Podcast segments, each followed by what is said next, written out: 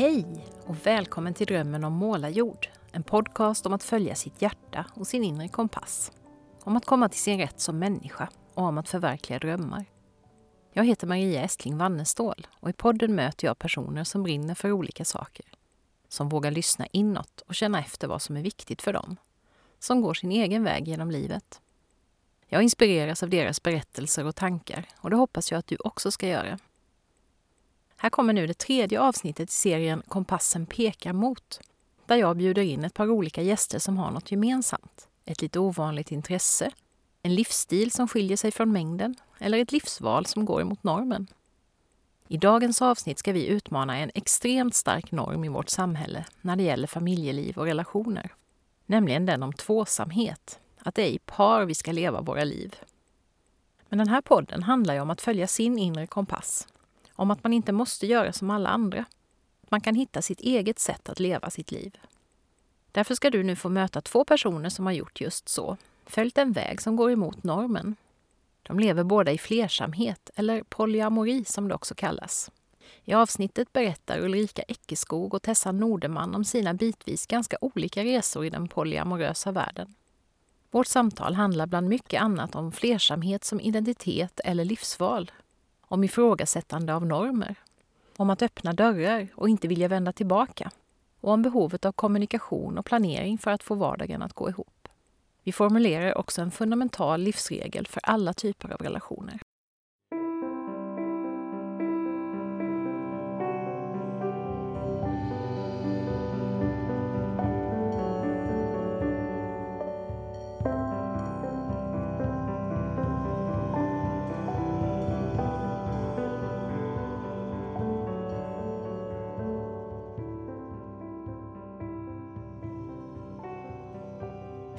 Hej och välkomna Ulrika och Tessan. Tack så mycket. Tackar. Drömmen om målarjord och idag är det specialavsnitt. Det ska vi få veta snart vad det kommer handla om. Men först tänkte jag att vi kan bara checka in lite grann. Vi har ett ganska tråkigt väder här i Växjö idag. Det regnar och eh, snön som var så vacker, den har smält bort. Hur är vädret eh, på insidan, Tessan, just nu? Eh, bättre än Växjöväder. Bättre än Växjövädret, det alltså, låter Jag kommer ju från Kramfors i Ångermanland och jag hade aldrig haft en vinterdepression förrän jag flyttade till Växjö. Men nu har jag flyttat härifrån. så oftast så är innervädret bättre än Växjövädret. Ja, det låter bra. Hur är det hos dig? Ulrika? Det är bra. Ja. Alltså det är så här, jag kommer, har precis varit uppe i Stockholm med jag säga, drivsnö och blötsnö Just det, där var det till knäna och, och var ute och körde i det. Så jag är glad att det har smält bort. och jag är för första gången glad över att inte, min son var jätteledsen för att snön var borta och jag var så här, yes nu slipper hönorna gå där och, och traska i det vita. ja. Känns det okej att vara här? Ja, det gör det. Mm. Fint, jag är jätteglad att ni är här. Det var ju så att du och jag Tessan, vi poddade för två år sedan. Ja. Och vi hade så himla mycket att prata om, så vi hann ju inte prata om allt.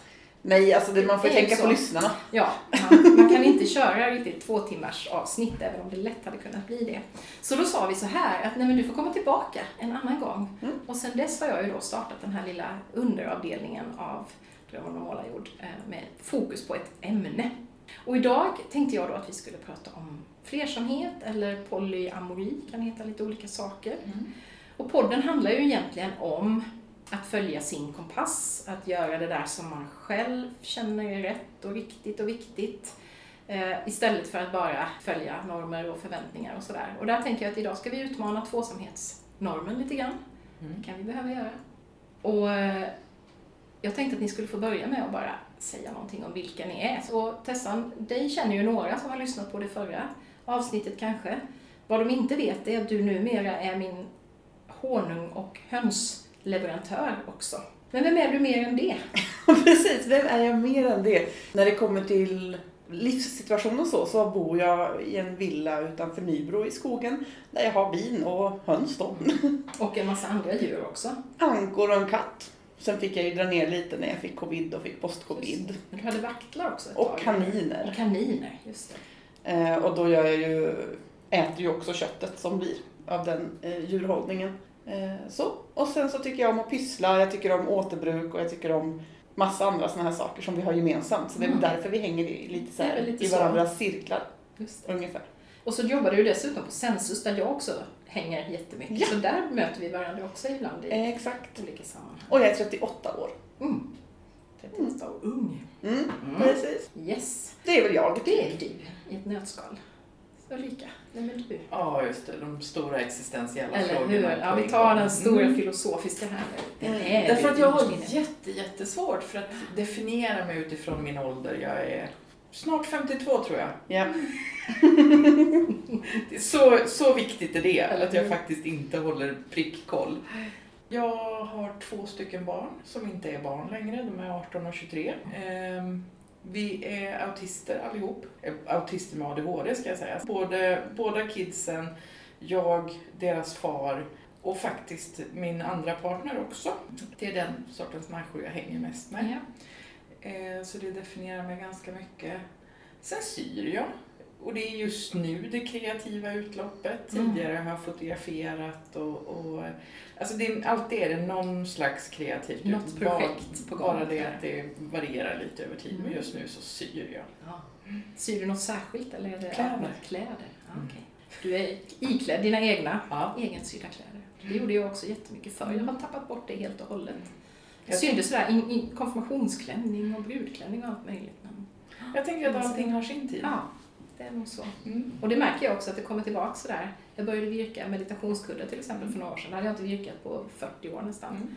Och tyckte plötsligt att det var jättekul. Så att, mm, det är kul. Men på något sätt tänker jag, har man gjort, eller någon gång haft något sånt där kreativt för sig Mm. så kommer det alltid tillbaka. Mm. Fast i lite olika former. Och jag delar ju lite av din vardag kan man säga, för jag har två barn som precis nyligen har fått autismdiagnoser. Så det senaste året har jag levt väldigt mycket i den världen på så vis att jag har lyssnat på jättemycket poddar och jag har läst en massa och lärt mig jättemycket och tycker det är superintressant. Och har nog en del drag själv fast jag inte är, uppfyller någon diagnos. Men jag känner igen mig i mycket av det, som, det jag möter. Mm.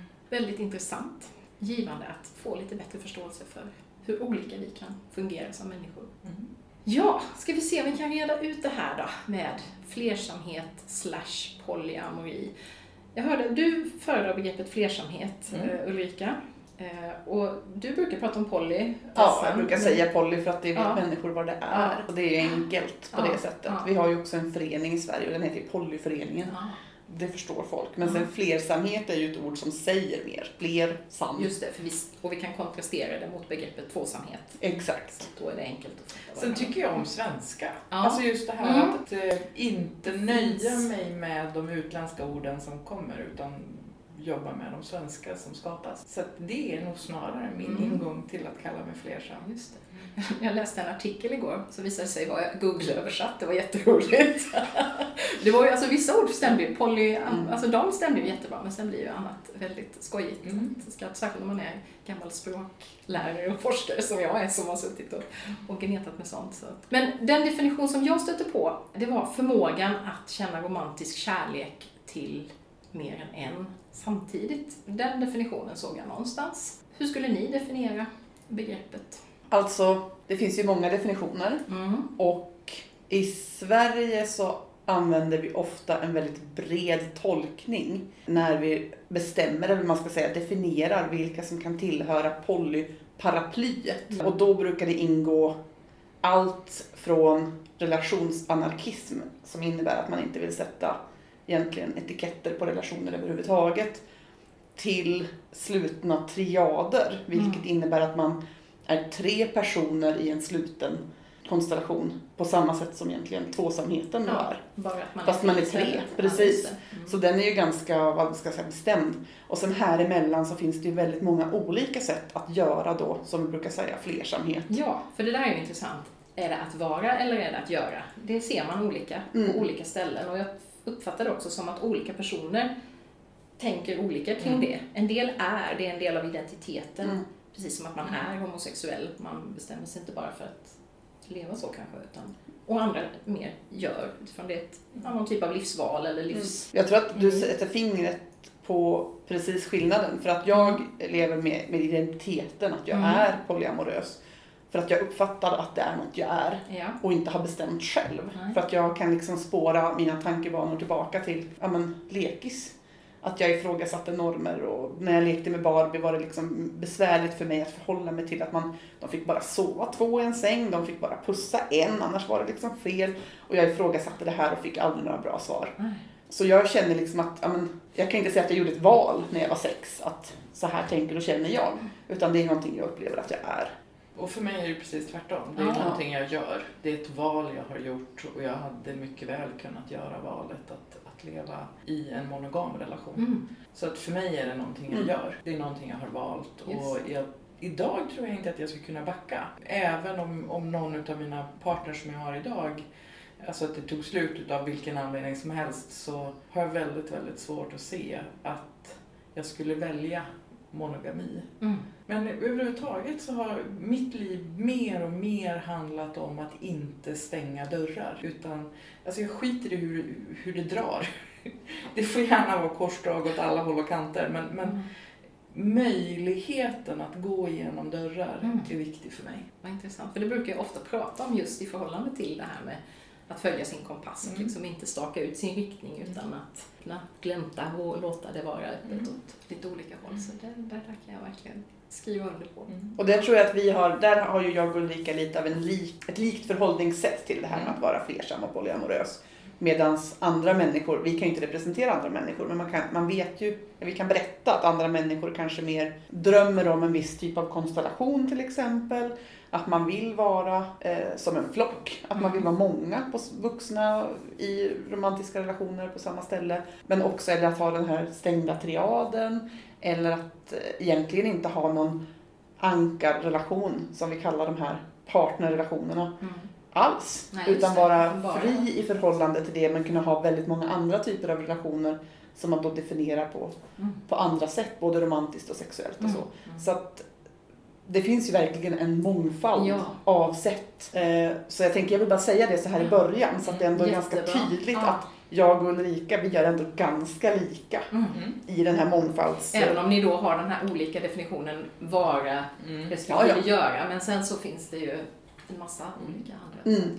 Jättebra, för det hade jag precis tänkt. Det var nästa punkt på min lista. Just det här att det finns, det finns inte ett sätt. Det finns inte Nej. ett sätt att göra på, utan man, eh, det finns en massa olika representationer. Och ni, ni är ni och ni har era liv och Mm. ni kan berätta utifrån era perspektiv. Det är ganska vanligt ändå att i början utav eh, ska säga, flersamhetsresan, när, när man kommer in i, i flersamhets... eh, att göra flersamhet, så finns tänket från relationstrappan kvar. Mm. Alltså man börjar med att dejta, man har sex, eh, man träffas mer, man träffar föräldrar, man flyttar ihop, eh, man skaffar villa, Volvo, vovve, eventuellt vungar. Och liksom, det, det tänket Det finns, finns ju kvar, ja. Så, så att eh, ganska ofta upplever jag att någonstans på vägen så börjar man ifrågasätta även den normen. Ja. Liksom. Ja, det är ju jätteintressant. Och det tänker jag att det gäller nog ganska mycket när man väl börjar fråga, ifrågasätta Mm. normer. Det tycker jag bara sedan jag startade den här podden har mött så många människor som lever på så många olika sätt. Att det gör ju att man börjar ifrågasätta mycket mer av de här fasta begreppen, kategoriserandet. Jo men man vänjer sig vid att Ja, tänka, tänka på ett annat tänka finns det fler Ja. alternativ? Ja, eller hur? Och också det här att, man kan reagera och känna och tänka utifrån det här kulturella arvet vi har ändå. Mm. Att monogami och parkärlek är liksom det vackra och eh, högst, liksom, den högsta lyckan, det, upp, Mm. det, det uppnåeliga målet som vi kan nå när det kommer till relationer på något Mm. vis. Det är det man vill ha. Ja. Eh, och det är ju, också så att inom polyvärlden eller polycommunityt så är det ju, vi är ju inte fria från det arvet. Utan Det är klart. många diskussioner uppstår ju för att vi kanske råkar märka helt plötsligt att det är något som skaver, jag kan inte komma på riktigt vad det är. Ah, kanske det här att det finns en förväntan Ja. Kvar på att jag ska göra på vissa sätt i de här relationerna eller bete mig på vissa sätt beroende på kön och sådär. Alltså det finns ju kvar. Fast vi bryter en norm Ja. som är ganska stor så finns Just det väldigt många andra normer som vi liksom kanske måste jobba mer för att Mm. upptäcka. Alltså bara en sån sak som att långa relationer, det är det Det, eftersträvansvärda. Eh, och jag har då två relationer som är skitlånga Mm. enligt alla normer. Ja. Liksom. Och, och jag ser inte riktigt egenvärdet i det. Nej. Alltså jag, har, jag har gjort slut med båda mina nuvarande partners därför att det har fyllt ett syfte i mitt liv. Mm. Därför att jag har behövt det avbrottet. Och det handlar inte om, om någonting annat än mina behov just då. Men folk ser inte det därför att nu är vi ihop igen och, Mm. och då har Vilken mina... tur att ni Ja. hittade tillbaka till varandra igen. Ja. Det kanske var tur, men jag kan ju också se att mitt väldigt korta äktenskap innan jag blev ihop med någon utav dem, Ja. som var monogamt och som vi var gifta i, jag tror det var tio månader. Det var absolut en nödvändighet att gå igenom den skilsmässan Mm. för att orka vara kvar i en relation. Ja. För just det här att göra slut var ett väldigt, väldigt starkt tabu i mitt liv. Och just att få det verktyget, att få lov att göra slut. Jag är en sån som gör Gör slut. slut, ja just det. Det gör att jag kan vara kvar. Ja, ja. vad häftigt. Ja. Därför att jag, det verktyget finns, Ja. då måste jag inte... Och du såg att du jag dog inte Nej, av det, utan du klarade det. Mm. Ja. Det är spännande tycker jag med de här verktygen som vi, eller vandringsstavar tänker jag, Mm. de som ibland det här strategier och annat som vi Mm. liksom samlar upp längs vägen och som vi sen har nytta av i nya sammanhang. Mm. Ska vi titta lite på era resor då? När förstod ni, eller när började ni? Ja, du sa, berättade ju eh, Tessan att du var sex år när du funderade Ja, i sex de här år banorna. där, Ja. precis. Och då var det normer i allmänhet men också den här Alltså normen. särskilt kring Särskilt relationer tyckte Mm. jag att det var väldigt besvärligt. Alltså varför, varför får man bara pussa en person? Mm. Och ingen vuxen kunde ju svara på den här frågan. Nej. De sa, det är bara så. Vilken sexåring har någonsin i världshistorien nöjt sig? Tessan, har du någonsin i hela ditt liv nöjt dig med den sortens Nej, nej, exakt. Jag vårdar ömt min inre sexåring Ja. i det avseendet. Alltså det är ju ett fruktansvärt dåligt svar på alla sätt och vis. Ja. Och jag gillar ju också, jag har ju också pluggat på universitet, jag gillar det, här akademiska, att man undersöker saker tills man får ett svar. Ja. Och så gjorde jag då, tyckte jag. Jag försökte, jag frågade ganska många och ingen kunde svara. Jag frågade jämnåriga och de kunde inte svara. Och så frågade jag lärare och de kunde inte heller svara. Och då tänkte jag så här, ni är alla idioter. Mm. Så jag tänker inte göra relationer då. För det här är ologiskt. Så det blev liksom motreaktionen Ja. nu lämnar vi detta. Ja. Ja, eller så, mina Barbie-dockor fick ju fortfarande, de fick ju göra, de fick sova tre i sängen och de fick pussa Mm. kvinnor och män hej hopp. Det, det var liksom, det tyckte jag var rimligt. Ja. Eh, Men när det kom till mig själv då så tänkte jag att nej men jag tänker inte spela den här rollen som alla tycker är, det bara är så, Mm. självklar. Utan då har jag heller inga relationer. Så jag var utan kärleksrelationer tills jag var 25. Mm.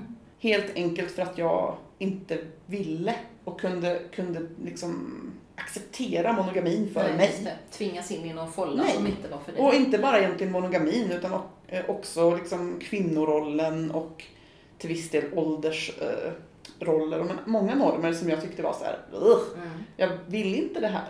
Så det var tack vare internet så hittade jag ju till slut ett ord och fler människor som var som mig. Mm. Och ord, vi började ju vårt samtal lite kring ord här eh, innan podden och ord är ju jätteviktigt. Ja. Jag tänker att det kan vi prata mer om sen, men alltså ord för vad vi gör Mm.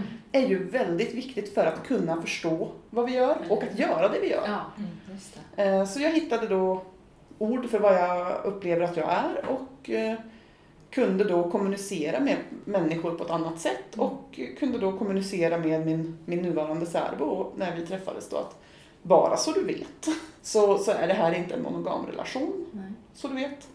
Och eh, han tyckte väl att det egentligen var onödigt för han hade gärna haft en monogam relation. Men han tyckte ganska mycket om mig. Så han accepterade vad jag sa då, att det inte skulle vara monogamt. Och så efter några år så blev han själv kär i en annan tjej.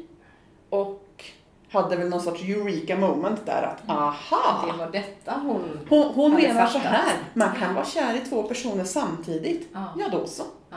Och det var väldigt skönt, för Ja. det, det känns bättre för mig att ha eh, relationer där man är på, på liksom samma... ja, men precis. Det blir mer jämställt. Ja. det-. Och att, att båda har samma förståelse också för det, vad det är vi håller på med. Så det, det tyckte jag var bra. Så det var väl liksom resan fram till första flersamma relationen kan man ja. säga. Hur var det för dig då? Jag började ju strax efter, jag var 26. Mm. Eh, I samband med den här skilsmässan Mm. så gick jag ut på nätet och träffade en massa människor som jag slapp umgås med, som jag bara kunde sitta och prata Ja. med. Eh, jag kunde se ut hur som helst och, och, och liksom, jag orkade med, för som autist är det ju också så att Mm. man har ganska begränsat med social energi. Men internet är oerhört tacksamt på det viset. Det finns där exakt hela tiden. Så att oavsett om jag vaknade mitt i natten eller tidigt på morgonen så fanns det liksom människor att prata med. Och så var det någon som vi satt många, många, många, många timmar. Jag tror att han just då, alltså det var en svensk, men jag tror att han befann sig i USA så att det var de där nattimmarna Mm. eh, fanns han tillgänglig att prata. Och vi pratade väldigt mycket normer och han ifrågasatte väldigt mycket utav mina ryggmärgsnormer. Jag har Mm. vuxit upp i en pingstförsamling i Norrlands inland. Ja, ja, ja. Och, eh, Extra mycket normer då. Ja, och, och framförallt så det var ingen någonstans som hade lärt mig att ifrågasätta Nej. normer. Nej, Tvärtom. Eh, Så här är det. det. Och så här är det Så och då ska det. det vara så. det. Och det är för att det är så. Ja, precis. Punkt. Mm. Medan han då ifrågasatte. Varför tänker hur du vad, vad, Varför då? Hur tänker du då? Vad, vad är det som gör att... Skulle du inte kunna tänka dig att ha, ha sex med en kvinna? Varför då? Mm. Eh, alltså jag har fortfarande inte hittat någon jag tänder på. Bra orsak. Mm. Sen har jag ju hittat det, men, men alltså, Ja. eh, det, det, det gjorde också att, ja just det, det finns det alternativet. Just det. Det öppnades en dörr Ja. där. Mm. Och sen så, ja men om du är ihop med någon och den människan har sex med någon annan och så kommer den personen hem och är skitlycklig över det. Mm. Alltså varför skulle du säga nej till det? Sen tror jag att han var lite mer begränsad till just sex. Men Ja. för mig är ju då, okej, men då drar vi upp reglaget till Ja. högsta volym. Vad händer då? Relationer med andra, ja men det är ju faktiskt rimligt. Alltså, det betyder ju just det här att då finns möjligheter för varje relation att utveckla sig precis så som den vill. Mm. Coolt. Ja, jo, men så vill jag nog ha det. Och sen så träffades, eller vi hade lärt känna varandra för många år sedan, men, men jag och eh, mannen som är far till mina barn blev ihop och han var absolut nej. Monogami är, är så vi vill ha det. Och jag bara okej, var går gränsen? Och den diskussionen hade vi i ett och ett halvt år för han Ah. kunde inte säga att här går Nej. gränsen. Nej. Vad är okej? Får jag kyssa någon annan? Men pussa någon annan? Ja, det är väl okej. Alltså, är, vad är Ja, gränsen? precis som, man, som, samma som jag tänker när man pratar om otrohet och sådär Ja. också. När är man otrogen? Ja, Är man mer otrogen för att man ligger med varandra eller för att man verkligen blir kär i en Ja. annan människa till exempel? Ja. Det är jätteintressant. Ja men så vi, vi funderade Så. i ett och ett halvt år. Sen hamnade vi i, efter ett, efter ett kalas så hamnade vi i samma säng som värdparet. Fullt påklädda, eh, liksom inget hanky-panky överhuvudtaget. Utan vi bara låg där och pratade.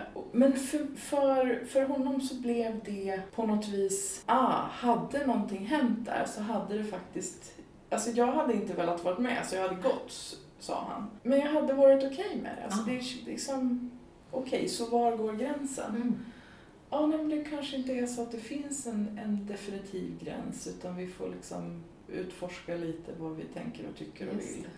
Och idag är han där att Ja. nej, backa tillbaks till monogami, det går inte. Det är, den dörren är Ja. stängd. Ja. Och för mig är det fortfarande så. Jag kan mycket väl tänka mig att om jag hamnar i en sån situation så Jaha, då kan jag väl leva. För jag menar, jag faller inte för folk så jätteofta och jättemycket.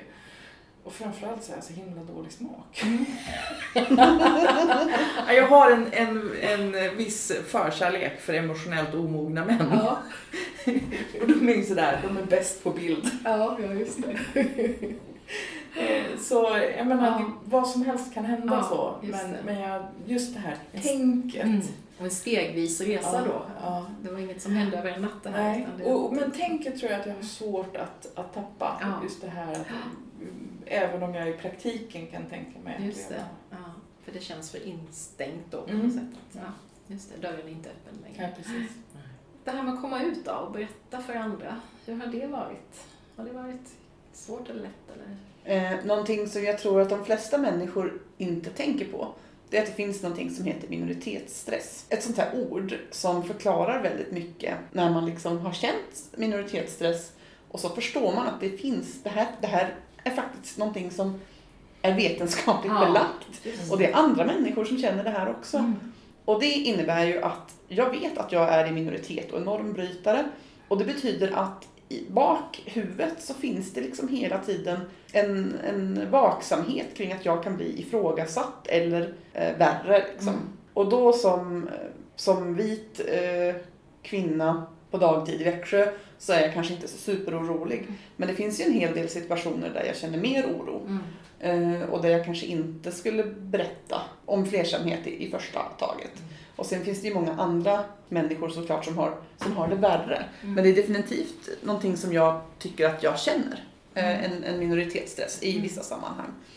Men jag, både jag och Ulrika har ju varit med på att låna en poly på biblioteket Mm. till exempel. Det var jag som startade det. Så vi är ju ganska ute, eller vad man Ja, ska säga. Och jag har varit med i tidningar lite så till och från. Det är ingenting jag är så superförtjust i längre. Därför att jag upplever inte att eh, det blir inte så himla mångfacetterat. Det blir Nej. ganska platt och eh, sensationsskrivet. Mm. Även om de försöker göra det. Men alltså liksom. redan, redan efterlysningar Mm. efter folk att intervjua Mm. till flersamhetsintervjuer handlar nästan uteslutande om ett par. Mm. Ja. Kan vi få prata med ett par Mm. som är flersamma? Mm. Alltså det är... Mm. Och redan där vet jag Ja. att min uppgift blir i sådana fall att utbilda den här journalisten. Och jag har inte den tiden och jag har inte Nej. det mentala utrymmet. Så att jag också, jag har varit med i intervjuer och jag har läst dem efteråt och tänkt, men Mm. Mm. kära värld, du är så oerhört mononormativ Ja. själv att du ser inte Nej. de normer du, du mäter Själv, emot. Ja, just det, som du har som raster över Ja, allting. precis. Ja. Mm. Ja, alltså, jag, men det, jag vill säga, jobbigast var väl när jag flyttade ihop eh, med en annan man också. Mm. Alltså, vi flyttade ihop, vi bodde alla tre vuxna och, och en massa barn. Åh, vilken cirkus! Ja. Alltså, framförallt den mannens, ska vi säga, sfär av människor Ja. Blev väldigt upprörda. Det var sossanmälningar och Mm. det var eh, alltså kalabaliken. Medan min släkt har jag inte kommit ut till fortfarande. Jag Nej. liksom orkar inte. Och det är också så att där finns det ett avstånd så de behöver inte, de Så. behöver inte få veta. De är inte med i den Nej. vardagen Nej. riktigt. Nej, just det. Eh, medan eh, mina barns pappas släkt var bara Okej, betyder det här att jag får fler barnbarn? Ja, de räknade redan. Ja, Bonusen direkt liksom. Ja, just det. Eh, medan min flickväns föräldrar sa för ganska många år sedan ja, alltså, vi kanske inte ska träffa så många fler utav dina partners. Så att jag har inte Mm. träffat hennes Nej. föräldrar därför att de har valt att stå utanför. Så det. jag menar, Mm.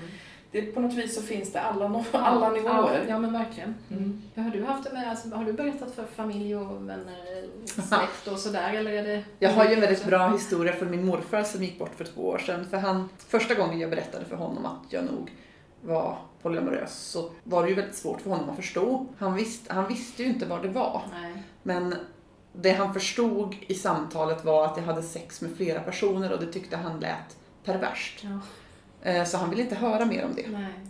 Och det kunde jag någonstans eh, förstå vad som hade hänt, så då pratade vi inte vidare om det. Och sen så, när det hade gått ytterligare några år då, så hade jag ju eh, träffat min nuvarande sambo. Då var vi särbo. Och då var jag ju sambo med min nuvarande särbo. Den där är lite snurrig för Ja. folk att hänga med på. Och så satt jag och pratade med min mormor och morfar om en annan släkting som hade träffat en, en partner i ett annat land som inte pratade samma språk. Mm. Och de kunde inte riktigt förstå det heller. Men min mormor säger då, hon är en mycket klok kvinna, hon säger att ja, alltså jag förstår inte det där. Men om de är lyckliga vuxna människor och inte skadar någon annan, Nej. då, då är det ju okej. Då ska ingen annan lägga sig i. Nej. Och då passade jag på att ta fram min telefon och så sa jag, på tal om det. det här är min eh, särbo. Ja. Eh, Han ser ut så här och han jobbar där. Och då blev det ju en liten tystnad. Och morfar var ganska blind där på slutet. Så det var mormor som tittade på den där telefonen. Och så var det lite tyst och så säger hon Alltså han ser ju ganska lik ut din sambo. Ja. Och då säger morfar Va? En likadan? Nej men ska du hålla på så där kan du väl åtminstone variera dig lite. Men nu är ju detta min smak då. och de ser inte likadana ut alls. Men, Nej. men båda har skägg. och, och långa och har skägg. Nej, alltså, Det är den ena är typ tre decimeter kortare än den andra. Ja, men det, han är fortfarande lång, längre än mig. Ja, ja. Men så det var ganska roligt. Ja. Och eh, därefter så var väl det avklarat på något Mm. vis. Sen så första gången jag skulle ta med båda mina partners hem till min mormor och morfar så tyckte de att det var lite nervöst.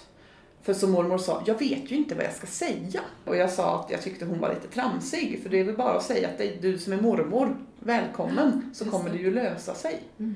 Eh, Men hon, ja, det handlade ju väldigt mycket om att de har ju absolut aldrig hört talas om det här och Nej. förstår det inte överhuvudtaget heller. För att det finns inte i deras begreppsvärld.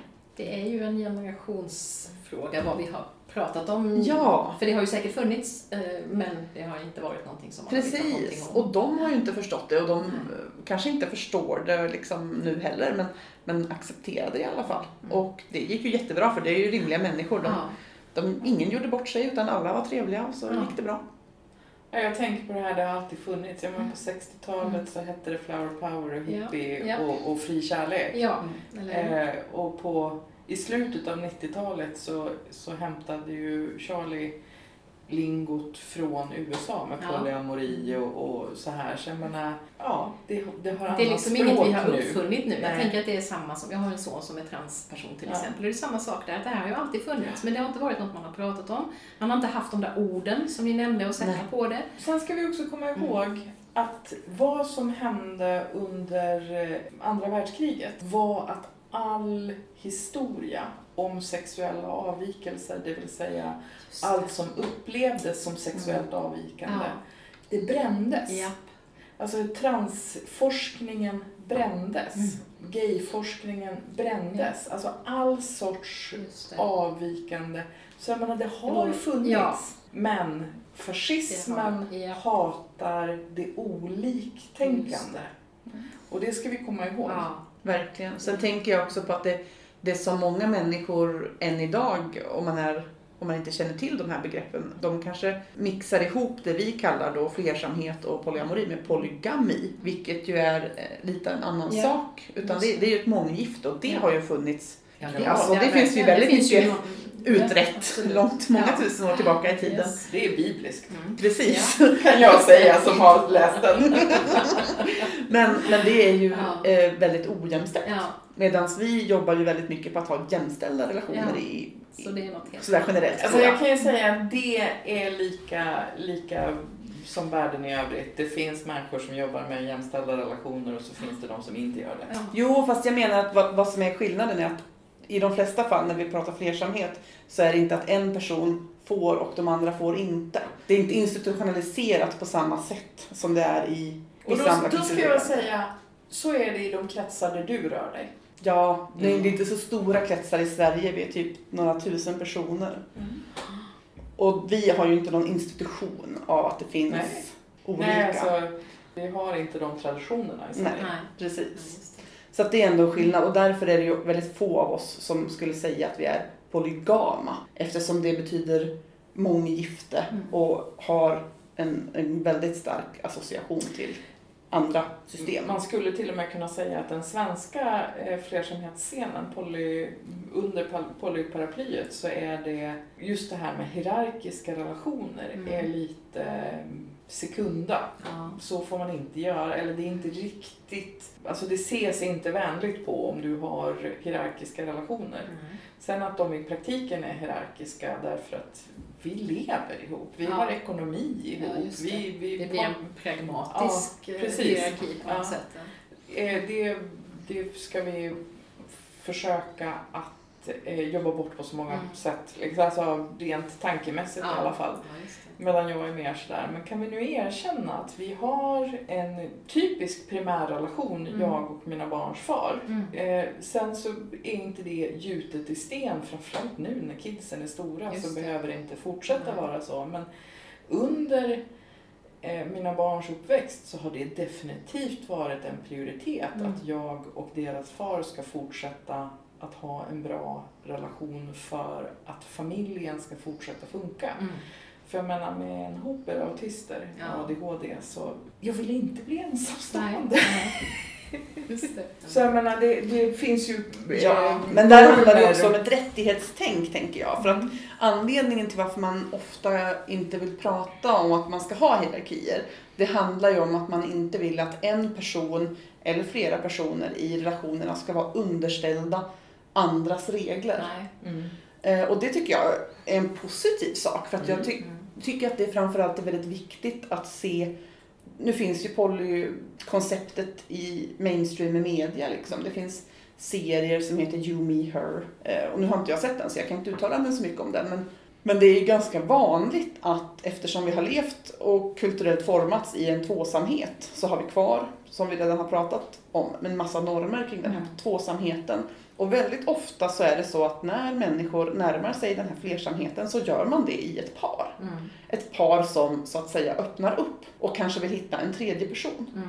Och den här tredje personen kommer ju då in rent liksom rättighetsmässigt underställd de här andra två. Det, för det andra För fanns de- där redan från början. Precis. Man har byggt upp de där Ja. Ja, ekonomiska eller familjemässiga Ja, och, och kanske också att man tillsammans har närmat sig den här flersamheten så att man kan tillsammans också i det här paret då sluta närma sig Mm. flersamheten och stänga relationen igen. Så det, är ju, det finns ett begrepp för det. Mm. Om man är den här ensamma människan som kommer in i ett par och ska då vara kär i båda två och liksom passa in i deras eh, liv så heter man unicorn. För att man är en väldigt sällsynt varelse som Mm. passar i den mallen.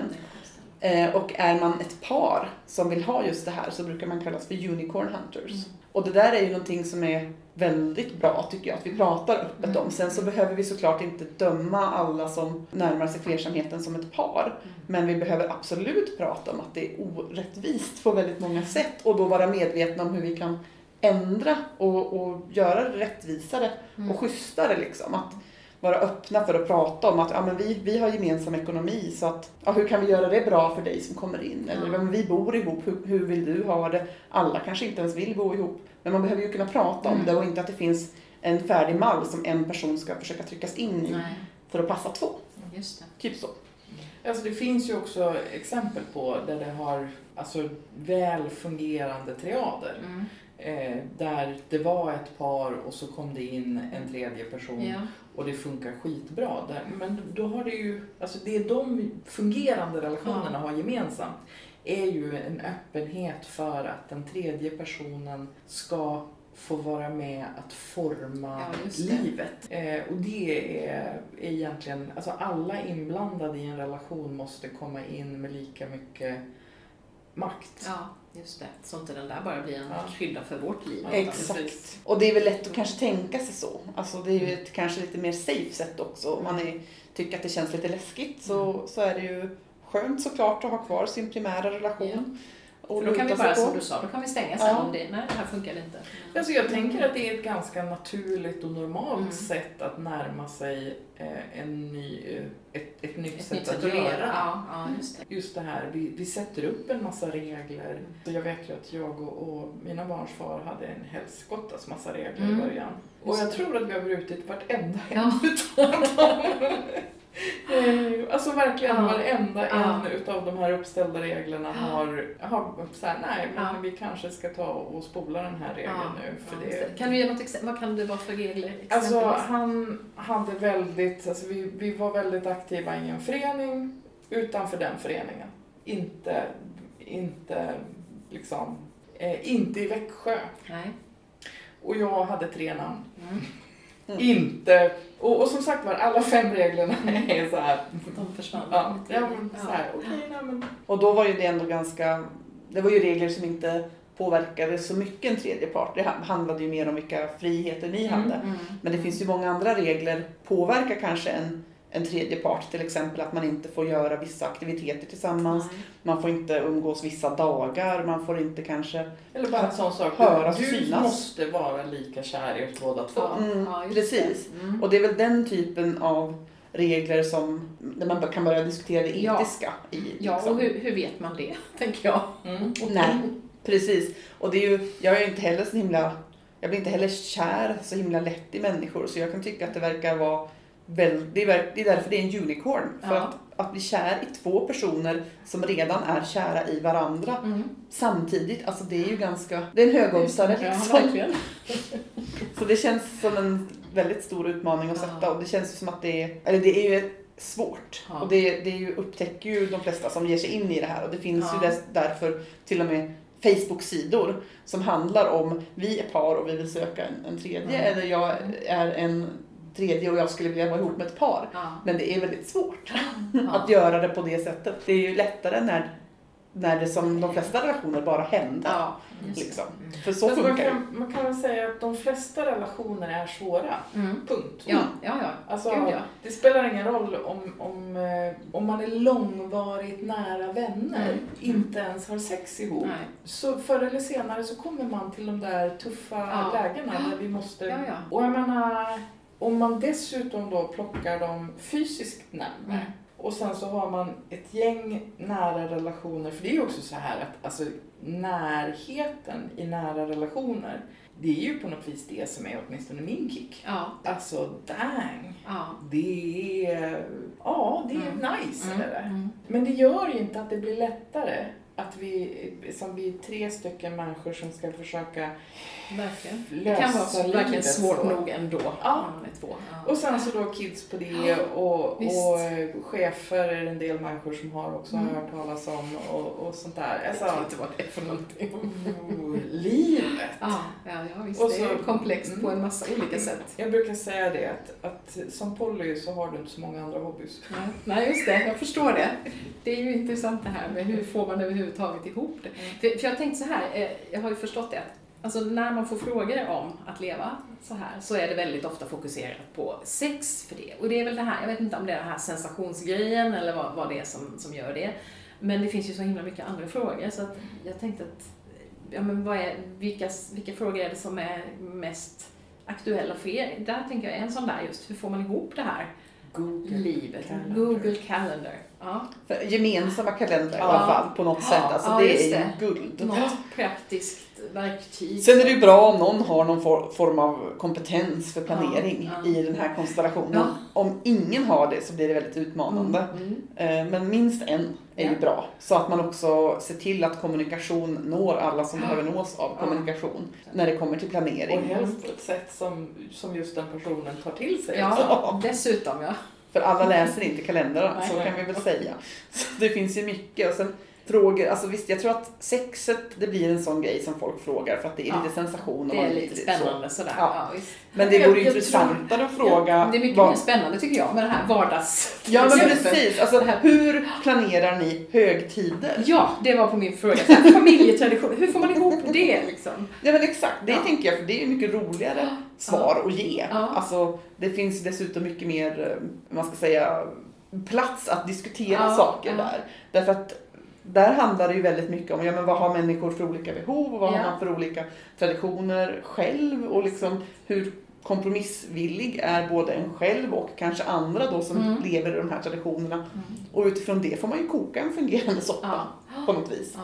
Men det är ju mycket roligare att prata om det och det. intressantare. Jag tror att du just la fram eh, jag säga, huvudnyckeln Ja. till eh, alla, egentligen hela livets alla problem. Man får koka en fungerande soppa. Ja, på det man har. Nyckelordet fungerande. Ja, Mm. ja, just det. Där, hur hittar vi det som funkar? Ja. Eh, och jag menar, bara en sån sak som att vi måste inte fira jul ihop. Nej, nej. Vi måste faktiskt inte Nej, fira jul För där har vi ju en annan norm, Ja. extremt stark norm då, att det ska vara en, en Ja. släkthändelse liksom. Precis, och men så kanske man, om, som jag då, om jag har, jag har redan brutit en, ett antal relationsnormer, jag kanske inte tycker att det här med blodsläkt Nej. nödvändigtvis är eh, det självklart viktigaste eh, och närmaste mig. säger det, för det där känner jag igen mig Utan det kanske är liksom min, de, de nära som jag har valt Ja. att ha nära. Ja. En annan sak är att min mormor då, jag gillar ju att ta upp mormor för jag tycker ändå hon ställer roliga frågor. Mm. Och det var ju det här med att, ja men om båda dina partners nu då ramlar ner i en eh, flod, vem skulle Vem du rädda skulle du- först? För hon måste ju förstå, hon, hon vill gärna förstå liksom, Ja. vem är det som är nummer ett? Det måste finnas en Så i hennes värld måste det finnas. Eh, och då så sa jag till henne att jag behöver inte rädda någon för båda kan simma. Och då blev hon lite irriterad och sa, du vet vad jag menar. och det förstod jag just, då svarade jag istället så här. Jag skulle rädda min nuvarande särbo då. Därför att han flyter sämst av oss tre. Så då hade det varit rimligt att utifrån hans behov rädda honom. Vi andra två flyter Ja. mer. Precis som om du, som du skulle tänka om det var två kompisar som låg där. Ja, eller exakt. Alltså, så det har inte Utifrån så mycket med- behov. Och, och sådana situationer hamnar vi ju i lite då och då där vi funderar på liksom men, I den här situationen skulle kanske båda mina partners ha ett behov av mig. Ett faktiskt behov. Vi hade en, en situation där en katt skulle avlivas samtidigt som en annan var på akuten. Och då, då diskuterade vi ju, eller jag tillsammans med de två för sig diskuterade det här och kom fram till att när vi börjar med att avliva katten, för det, behöv, det var ett starkt emotionellt behov Mm. av mig på plats. Mm. Eh, och sen när vi hade gråtit färdigt över den här katten så började vi diskutera, ska vi kanske ta oss till akuten? Eh, men den som låg på akuten hade det ändå ganska bra. Ja. Den var ju liksom, de flesta grundläggande behoven var ju tillgodosedda. Och, och det finns ju inget egentligen rätt eller fel att, att bedöma den här situationen på. Men det viktigaste blev ju att vi diskuterade vad funkar för oss? Vad Ja. behöver vi? Och vem här behöver mest i den här situationen? Ja. Och alla var överens. Och jag Så- tänker det är så man måste förhålla Ja, sig för att det ska kännas... Kommunikationen liksom, den är ju, och den är, den är ju central i alla relationer. Jag, jag tänker Ja. att det här, alla som är föräldrar fattar, eller alla föräldrar som har mer än ett barn. Mm. fattar den grejen. Mm. Jag tar ett beslut utifrån flockens behov. ja, exakt. Jag tar ett beslut utifrån var jag bäst behövs, Mm. vad jag kan ge mest. Och var, var, var någonstans finns det ingen annan som Mm. täcker upp? Nej. Eh, Min partner i Stockholm och jag pratade just om, jag berättade att jag skulle podda. Vad gör du om en partner flyttar till Australien? Alltså att du skulle flytta till Australien, det finns inte på kartan. Då skulle jag fundera på, hur mår du egentligen? Och att Ronny skulle göra det, det skulle betyda att han faktiskt fattade någon form av eget beslut. Och det är bara yes! Ja! Utan, för, för jag menar, jag har inga planer på att flytta till Australien. Så, baby. Och han är inte den som tar initiativ Nej. till stora och, och omvälvande saker. Så jag menar, om han skulle göra det så skulle jag säga Heja, vad Mm. bra! Men jag, jag skulle säkert hälsa på. Fast Ja. jag har lite sådär flygskam så att kanske inte så ofta. Nej. Det är svårt att tåga till Det Australien. Ja, är lite svårt att fråga dit. Ja. Ja. Ja. Men, men just de här, Ja. ehm, ska vi säga, märkliga frågorna man kan få. Ja, ja. Som på hypotetiska och konstiga, eh, såhär, Som- som, egentligen handlar om vad är det du prioriterar. Ja, ja. Så på mitt svar på det är mig. Jag Ja. prioriterar mig. Ja.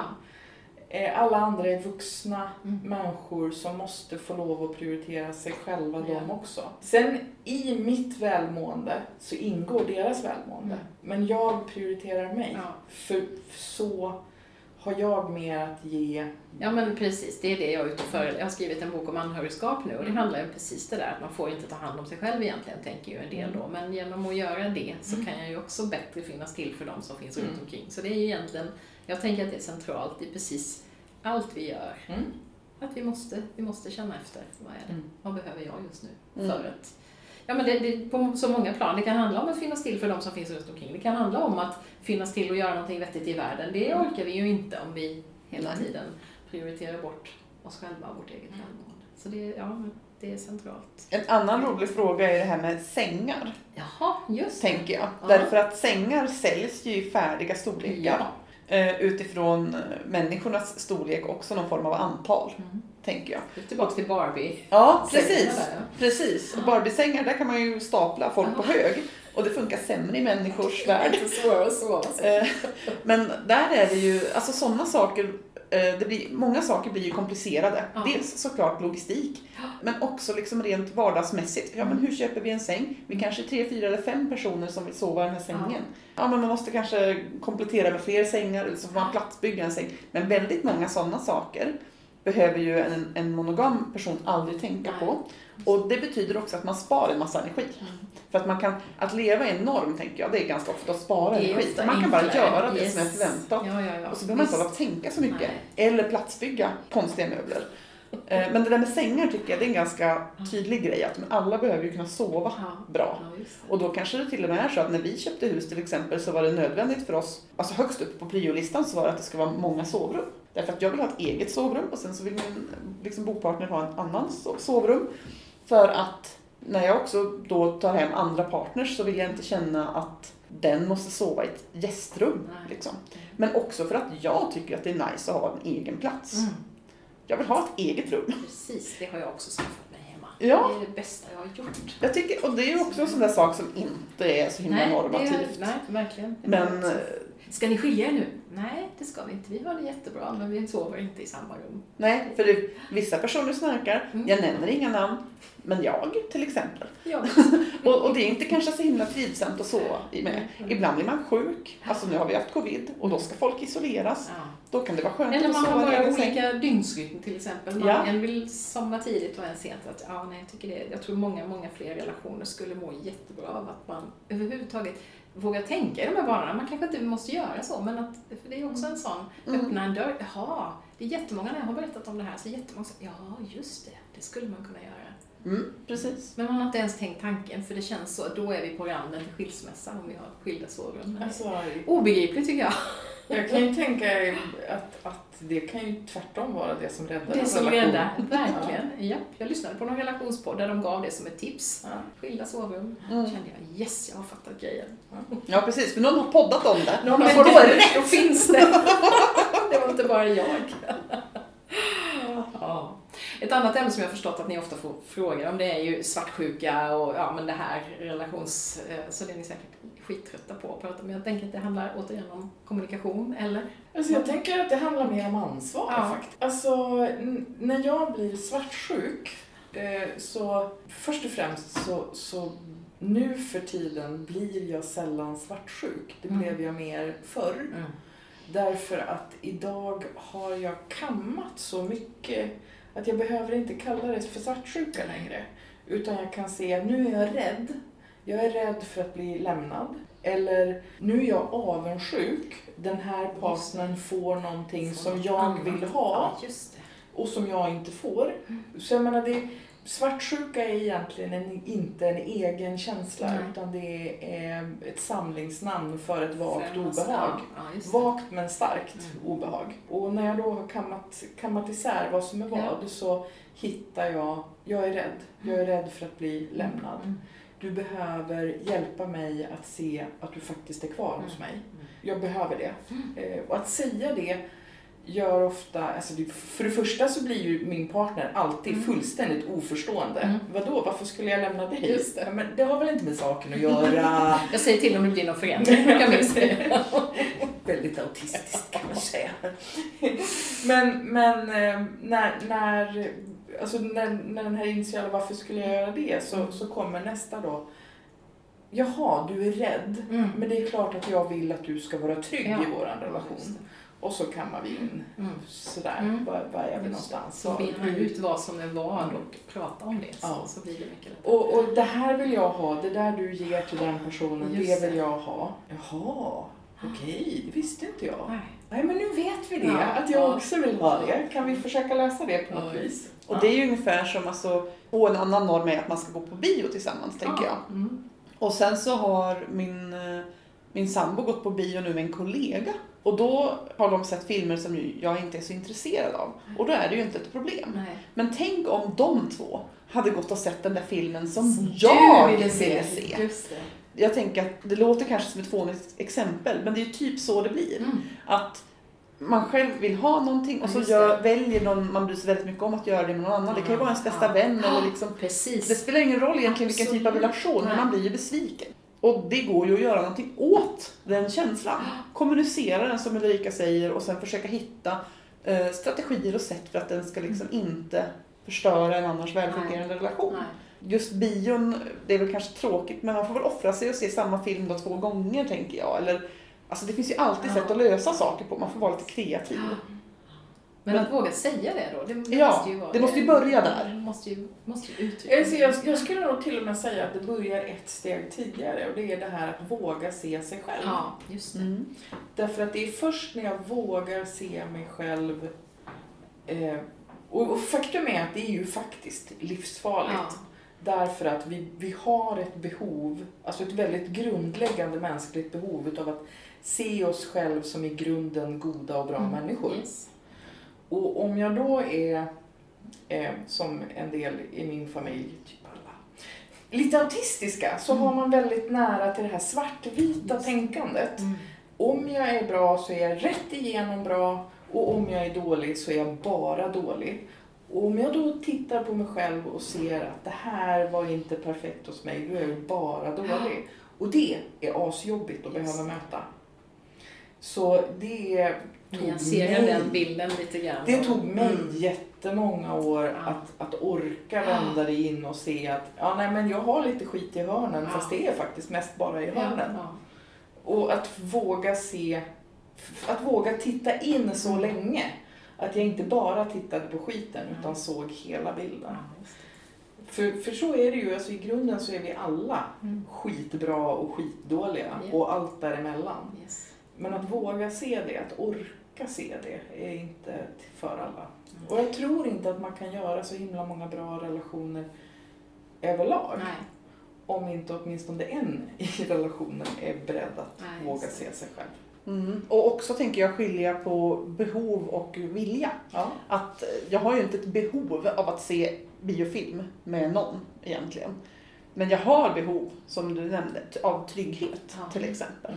Och att, att se skillnaden på det och kanske fokusera de flesta av de här diskussionerna kring ja, men vad, har, vad är det för behov de här sakerna uppfyller. För Mm. bio kan ju uppfylla vissa typer av behov. Till exempel vi har bestämt oss för att ja, men, det är så vi bekräftar varandra. Det är så vi får egen tid när, vi, när livet börjar snurra på. Men då är bio viktigt för oss. Mm. Då är det viktigt att vi håller det och inte byter ut det som vi kom överens om skulle fylla ett behov och gör det med någon annan. Utan då måste vi ju prata om ja, men hur fortsätter vi fylla vårt behov då? Mm. Och det tänker jag också gäller liksom vänskapsrelationer och släktrelationer. Ja, men det är jättemycket av de här sakerna vi pratar om som känns som att de, de är ju fundamentala i alla typer av Ja. relationer. Alltså, alla relationer är Ja. precis likadana. ja, ja, Mm. Snåriga och Ja, eländiga visst. och alldeles, alldeles Gud, ja. underbara. Ja, eller hur? Mm. Eh, Och man vill gärna ha mer än en. Ja. Ja, jo. Alltså det finns ju en del som faktiskt bara, som är nöjd med att bara ha, säga, relationer med sitt barn eller sin Ja. förälder eller, Eller sin, vän sin partner. Eller, ja. Mm. Fine! Ja. Om det gör dig lycklig, vad Ja. bra att du har hittat ditt sätt att vara lycklig. Men för oss andra så är det ju ett snårigt träsk med Precis. fler relationer. Ja. Och ju fler människor man gör relation med, desto bättre har man möjlighet att lära känna sig själv. Mm. För man får Men- spegla sig i ja, precis. olika. Just det. Men också tvingas man att se andra. Ja. Därför att i relationer så är det inte mina behov som är enda prioriteten. Nej, precis. Just. Utan det är mina behov och dina behov och våra behov. Och så ska vi koka den där soppan Ja, av det som ska fungera någorlunda. Ja, spännande. det är spännande. Det är Och jag tänker, jättespännande det blir liksom- relationer överhuvudtaget. Det, det blir ett tvång att, Ja. att hantera det om man vill ha flera. Mm. Mm. Så är det ju. Ja. Jag tänkte på en, eh, jag har bekanta som, som lever i en relation där den ena vill leva så här och den andra vill egentligen inte det men har svårt att sätta gränser. Så, eh, har ni mött det i, i de sammanhang som, som ni vistas i också, det här när det ändå blir från ena sidan och inte från den andra. Men man har en, sån, man har en stark tvåsam relation men den ena nöjer sig inte med det. Vi har ju båda haft det så, Så, kan ja. man väl säga. Alltså, Ja. Vi var ju de som startade den flersamma resan när vi var i relation med andra Mm, som ja. inte ville göra det. Nej. Och jag tror det är jättevanligt. Mm. Eh, För det är också andra sätt som vi skiljer oss mot varandra. Vi har olika Mm. Behov och, och tankar när vi är i relation. Mm. Men det här blir en väldigt central grej såklart för att det här påverkar väldigt mycket. Mm. Men eh, för, för egen del så tänker jag att det går inte att tvinga på andra människor ett sätt att leva. Nej, Inte åt något håll. nej precis. Eh, Utan det behövs ju alltså att man lyssnar på vad man behov Ja. och, och pratar utifrån det. Jag kan inte tvinga en människa att varken leva flersamt Varken det eller det andra. Nej, precis. Det går ju inte. Nej, visst. Det, det, måste, det måste kokas soppa. Ja. Alltså, kärlek är inte allt. Nej. Alltså det spelar ingen roll hur vi vänder och vrider på det. Jag har en tidigare relation. Så när jag tänker på hur bra vi hade det så gör det fortfarande ont i hjärtat på mig. Mm. Och när jag tänker på eländet det var, eh, så blir jag fortfarande glad att det är slut. Ja, just det. Alltså, För det är så dubbelt. Ja, Det finns så och så det är fortfarande så att det bra vi hade Alltså om jag hade kunnat destillera ner vår relation till Ja. det så hade jag nästan kunnat offra alla mina andra relationer. Mm, mm. Nästan. Ja, kanske inte. Men ja, eh, det, alltså, det är verkligen, verkligen det som var bra var så sjukt bra. Ja.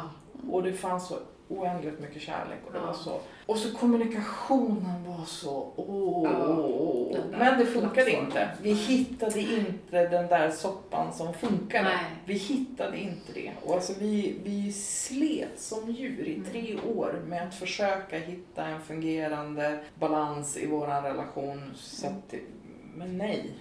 Och det går inte att rådge andra Nej. människor det här heller. För att det är ofta människor vill ha svar. Ja.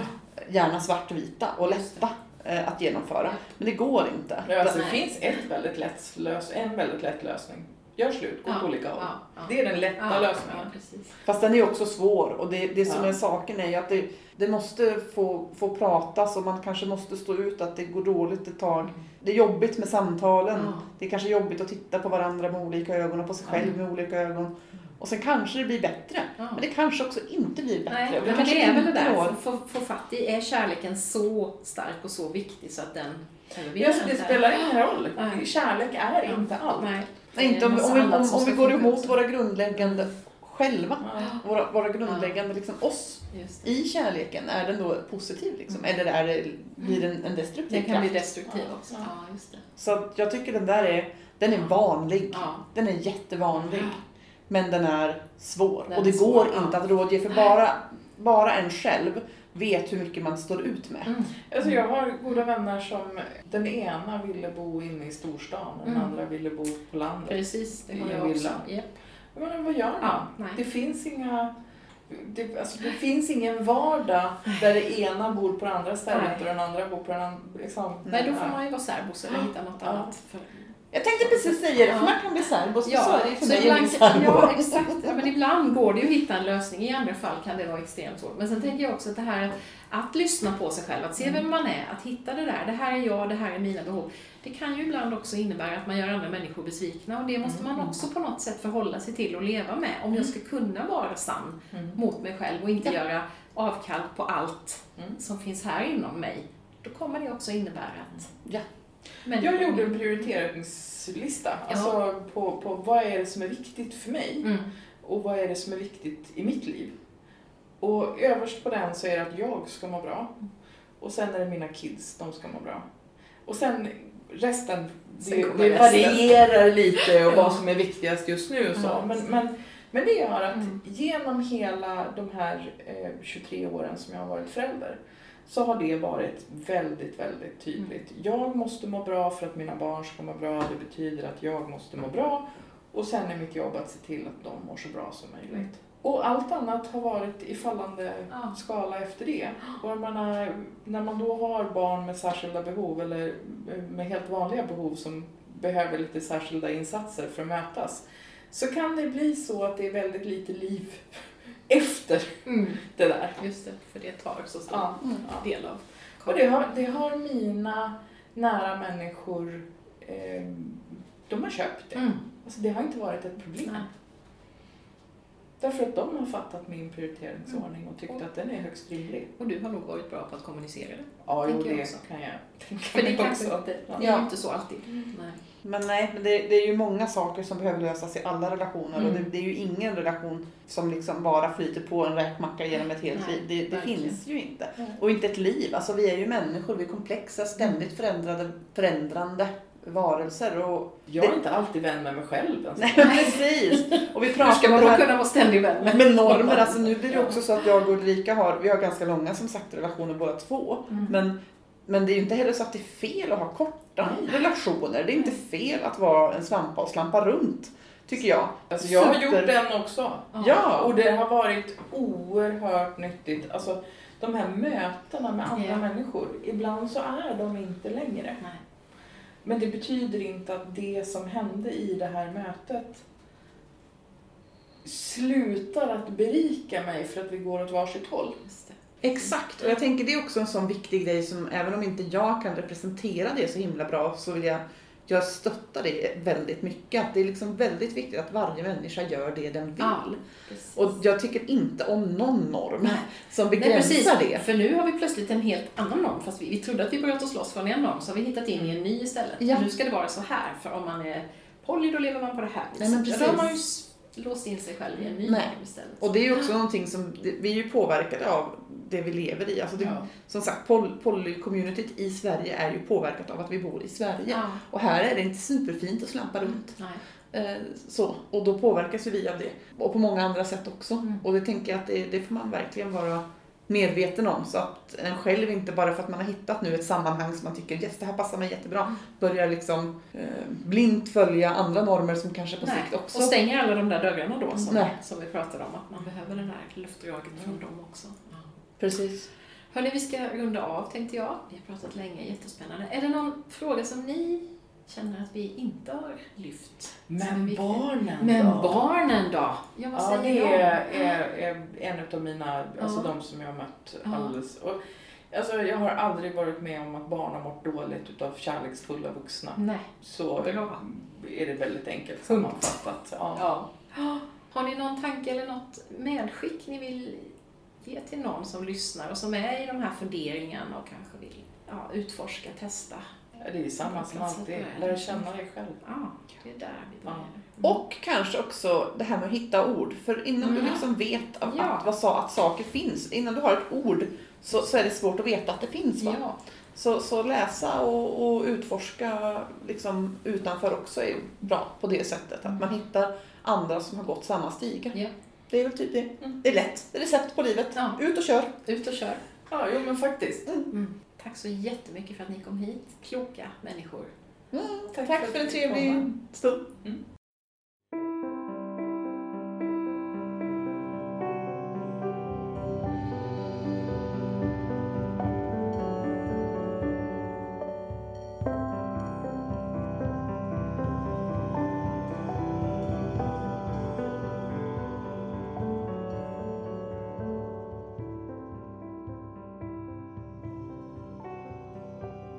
tycker att det var så intressant att konstatera att väldigt mycket av de frågor som kännetecknar livet i flersamhet är precis samma som är relevanta i vilken relation som helst. Det är så lätt att föreställa sig att det är en massa som är annorlunda än om man lever enligt tvåsamhetsnormen. Och visst finns det sånt också. Men väldigt mycket handlar ju om relationer i allmänhet. Punkt. Och det där med att koka en fungerande soppa i tillvaron tycker jag är så genialiskt formulerat. Det är ju egentligen precis det jag tänker på när jag jobbar utifrån begreppet good enough i olika sammanhang. Allt måste inte vara perfekt. Vi kan bara försöka göra så gott vi kan i våra relationer utifrån de förutsättningar vi har. Inte minst applicerbart är det inom anhörigskap, som ju blivit mitt specialområde de senaste åren. I synnerhet sedan min senaste bok Anhörig i ett hav av känslor kom ut i våras. Om jag någon gång gör en ny upplaga av den boken så tror jag att ett kapitel ska heta just sådär att koka en fungerande soppa. Och på tal om min bok så har jag nu öppnat min julklappssäck där det ligger en massa finfina klappar. Här finns till exempel anhörigboken, mina romaner Lex Katarina och Kantstötta porslinsugglors paradorkester, mina bilderböcker om Lovis ansjovis, liksom presentkort på kurser, verktygslådor, mentorskap och meditationskuddar. Kika gärna in och se om du hittar något som skulle kunna värma någon som du bryr dig om. På så vis bidrar du också till den här poddens fortlevnad eftersom jag gör den helt utan finansiering. All information hittar du på mariaestlingvannesdal.se verksamhet julklappstips. Till sist, du har väl inte missat årets julkalender från Drömmen om målarjord? I år gör jag den i samarbete med min vän och återkommande poddgäst Lisa Moreus under namnet Lisa-Marias jultankar. En lucka med ett kort litet poddsamtal som kanske kan inspirera till reflektion eller samtal. Varje dag till och med julafton. Du hittar kalendern i det vanliga poddflödet och vill du prenumerera så att du får luckan till din mail varje morgon går du in på dromenormalajord.se. I nästa vecka ska jag spela in ett nytt spännande poddavsnitt och jag har en hel massa fler på gång. Nu när jag har fått lite mer luft i systemet igen. Så du har många timmar av inspirerande lyssning att se fram emot. Tack för att du har lyssnat idag och varmt välkommen tillbaka.